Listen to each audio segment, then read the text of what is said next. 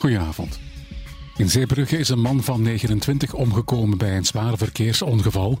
Zijn passagier van 22 is in levensgevaar naar het ziekenhuis gebracht. Dat meldt het parket. De bestuurder verloor de controle over het stuur en kwam tegen een geparkeerde oplegger terecht. Een verkeersdeskundige onderzoekt de precieze omstandigheden van het ongeval. De partij Vlaams Belang trekt met de slogan Vlaanderen weer van ons naar de kiezer. Dat kondigde voorzitter Tom van Grieken vandaag aan op een bijeenkomst in Zelk.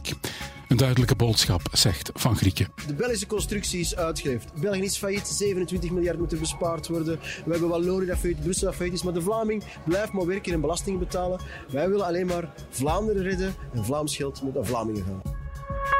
In het voetbal heeft Antwerp met 3-0 gewonnen van Sint-Truiden.